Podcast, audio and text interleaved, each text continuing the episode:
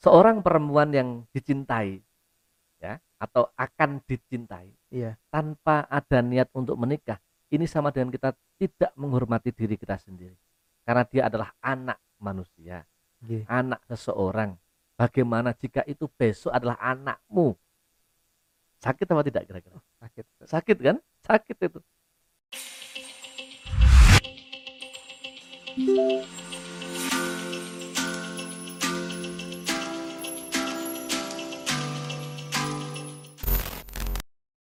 Assalamualaikum warahmatullahi wabarakatuh. Waalaikumsalam warahmatullahi wabarakatuh Bismillah. Selamat datang para pendengar podcast kajian Ramadan. Berjumpa lagi bersama saya Zidul Kirom dan tentunya bersama Ustadz Rigza. Ustadznya para milenial dan merupakan salah seorang dosen di UIN Wali Songo Semarang serta pengasuh Pondok Pesantren YPMP Al Firdaus. Nah, alhamdulillah Ustadz kita bisa berjumpa lagi dalam podcast uh, untuk memenuhi panggilan umat ya saya. Panggilan panggilan umat. Nah, kita hadir terus untuk teman-teman para pendengar selama bulan Ramadan ini tentunya untuk memberikan kajian serta menjawab pertanyaan-pertanyaan teman-teman eh, seputar Ramadan dan keislaman ya Ustaz. Oke. Nah, pada kali ini kita bakal ngobrolin sesuatu yang sekali lagi dekat banget sama para pemuda. apa ini Nah, mungkin semua kalangan pernah mengalaminya Ustadz atau mungkin bisa orang tua saya juga mungkin kalangan-kalangan pemuda atau yang dulu-dulu sudah sepuh Ya. saat masih muda mungkin juga pernah menja- apa melakukan mas ini temanya yaitu ngabuburit bareng pacar. wah alhamdulillah Nah, karena temanya karena kita di suasana Ramadan eh, tentunya ada ngabuburit. Ya. Entah itu ngabuburit seperti apa. Kalau saya memahami ngabuburit nga- ngabuburit dulu itu pergi jalan-jalan cari buka tapi nggak tahu sebenarnya ngabuburit itu seperti apa Ustaz. oke Nah. Kalau eh, hukum ngabuburit bareng pacar itu seperti apa Ustaz? Iya, kalau ngabuburitnya itu kan baik. Niatnya adalah mencari waktu luang biar perut yang sudah keroncongan itu lupa karena dia bahagia. Nah, persoalannya bukan soal ngabuburitnya ini, Iya. soal pacarnya ini. Nah, maka saya tanya dulu, yang dimaksud pacar ini siapa dulu? Nah, Sudah di khitbah atau belum? Masih apa menjajaki, masih ini gimana dulu? pacaran. Iya. Wah, itu tentunya perspektif pacaran beda-beda ya Ustaz. Kurang Iya. tahu juga saya Ustaz. Mungkin yang zaman sekarang orang pacaran ya belum dihitbah Ustaz. Oh gitu. Iya. Begini. Jadi kalau kita mengacu pada eh, hukum ya, hukum. Al aslu fil asya'i al ibahah.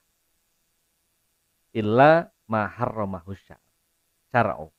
Bahwasanya pada dasarnya sesuatu segala macam muamalah itu dibolehkan. Kecuali ada dalil yang melarang. Nah, yang dimaksud sekarang anak muda itu berpacaran itu kan apa? Saling mengenal, Iya. Saling menjajaki, ta'aruf begitu. Iya betul. Nah, kalau ornya adalah wala taqrabuz zina innahu kana fahisha wasa asabila.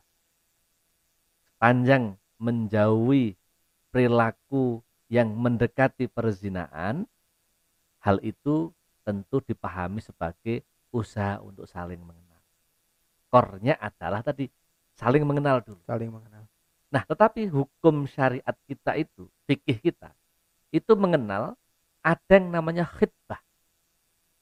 Melamar seseorang Iya. untuk betul-betul diniati perempuan itu sebagai calon istri yang sah dan seorang laki-laki akan menjadi imamnya. Ustaz. Maka kalau kita bicara soal khitbah, ini lain hukumnya.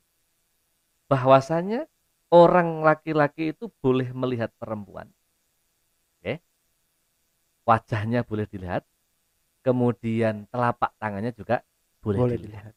Maka di dalam kitab At-Tahdzib di Adillati Masni Ghoyah wa Takrib disebutkan bahwasanya warabi'u an-nazru li ajlin nikahi fayajuzu ilal wajhi wal kaffain. Bahwasanya ketika orang itu hendak berkhidbah untuk menuju jalan pernikahan seorang laki-laki dibolehkan melihat perempuan yang ajnabiyah. Kalau hukum asalnya kan dalam Sulamut Taufik karya eh, Asya Abdullah bin Husain bin Tohir itu ada bab yang membahas tentang maksiatnya mata. Ini menarik. Iya, Ustaz. Faslun wa mim ma'asil aini an-nadhru ilan nisa'il ajnabiyati wa kadza nadhruhunna ilaihim. Di antara kemaksiatan. Kalau maksiat kan berarti dosa. Iya. Maksiatnya mata itu adalah pandang memandang.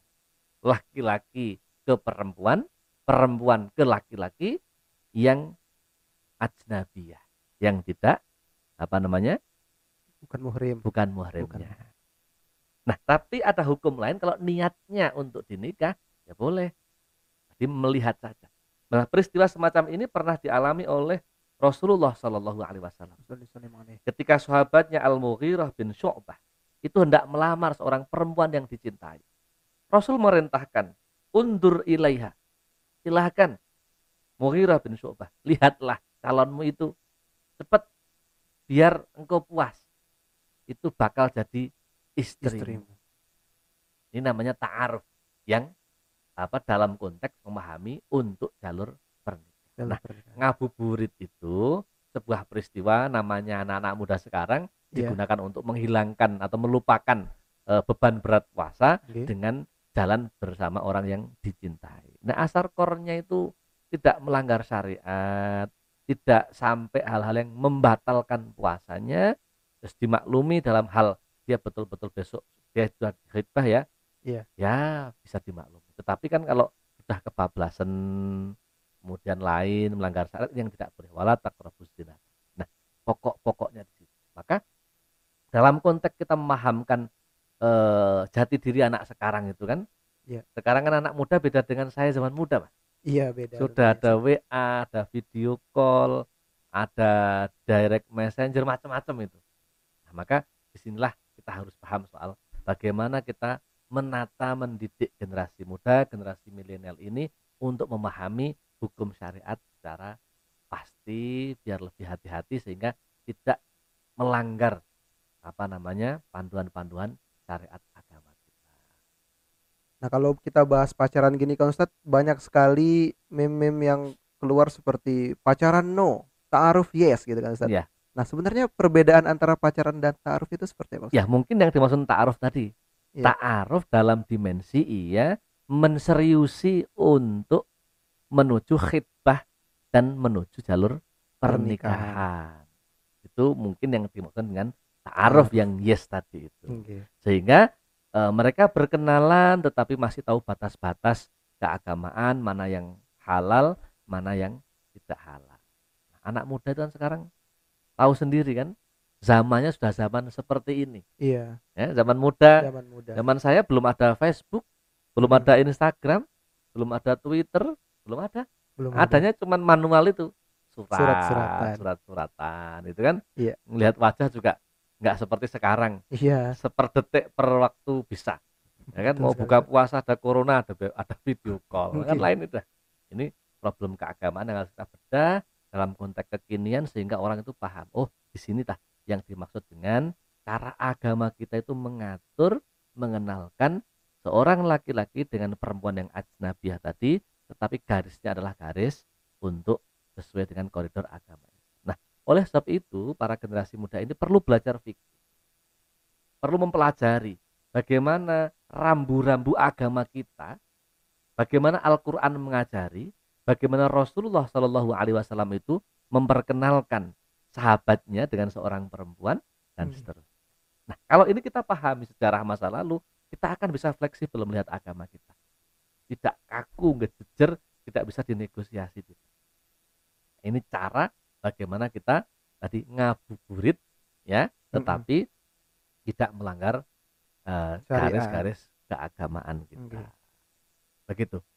Nah kalau menurut Ustadz sendiri pacaran itu gimana Ustadz? Apalagi kalau pacaran yang tanpa niat sampai hitbah sampai menikah gitu. Ada dua perspektif yang harus kita lihat. Pertama adalah soal menghormati diri sendiri. Iya. menghormati diri sendiri itu ada kalau kita bisa menghormati orang lain. Seorang perempuan yang dicintai ya atau akan dicintai Iya. tanpa ada niat untuk menikah, ini sama dengan kita tidak menghormati diri kita sendiri. Karena dia adalah anak manusia, Nggih. anak seseorang. Bagaimana jika itu besok adalah anakmu? Sakit apa tidak kira-kira? Sakit. Sakit kan? Sakit itu. Kedua adalah soal bagaimana dimensi agama kita mengatur soal kehidupan. Jadi ada perspektif sosiologis, ada perspektif religius. Religi. Nah, dalam perspektif religius inilah kita harus sadar bahwa agama itu punya garis. Kadang-kadang orang juga takut kalau sudah umur-umur waktunya menikah, Iya. ya kan, belum punya calon, yang paling bingung kan orang tuanya. Iya, Ustaz. Kalau orang tuanya kenceng larang nggak boleh ini nggak boleh itu, anak gampang, "Loh, kan saya nggak boleh, katanya haram. Nah, maka kembali ke dimensi sosiologis tadi. Sehingga apa? Dimensi sosiologis, dimensi religius coba kita gabungkan. Dengan apa? Dengan cara kita memahamkan bahwa hidup di dunia itu kepada aturan norma sosial dan taat kepada perintah-perintah agama. Sehingga kalau Rasulullah menjelaskan, wahai para pemuda, jika engkau sudah waktunya menikah, menikahlah. Jika engkau sudah waktunya apa? Terjemahan bebasnya gitu. Iya. Jika engkau sudah waktunya akan menikah, carilah calonmu. Biar saling mengenal, ya kenali dulu. Yang dikenal siapa? Tentunya orangnya, Iya. orang Orang tuanya, tuanya. agamanya, ekonominya, dan macam-macam itu. Iya. Sehingga besok ketika menikah itu sudah betul-betul kenal lahir dan, Dan batin. batin. Tidak seperti membeli kucing dalam karung. Kaget lu ternyata kok begini. Nah, padahal nggak bisa. Menuju keluarga yang sakinah, mawadah, warahmah itu semuanya harus selesai. Ada ridho orang tua. Bagaimana kita mencari ridho orang tua kalau kita nggak kenal orang tuanya? Iya, betul, Ustaz. Bagaimana kita mencapai ridho seorang istri yang bisa hidup bareng-bareng dengan kita dari mulai nol, nggak punya apa-apa, sampai menerima kalau tidak mengenal. Iya. Bagaimana kita bisa mengenal lingkungan kalau kita nggak kenal lingkungan keluarga, calon keluarga kita?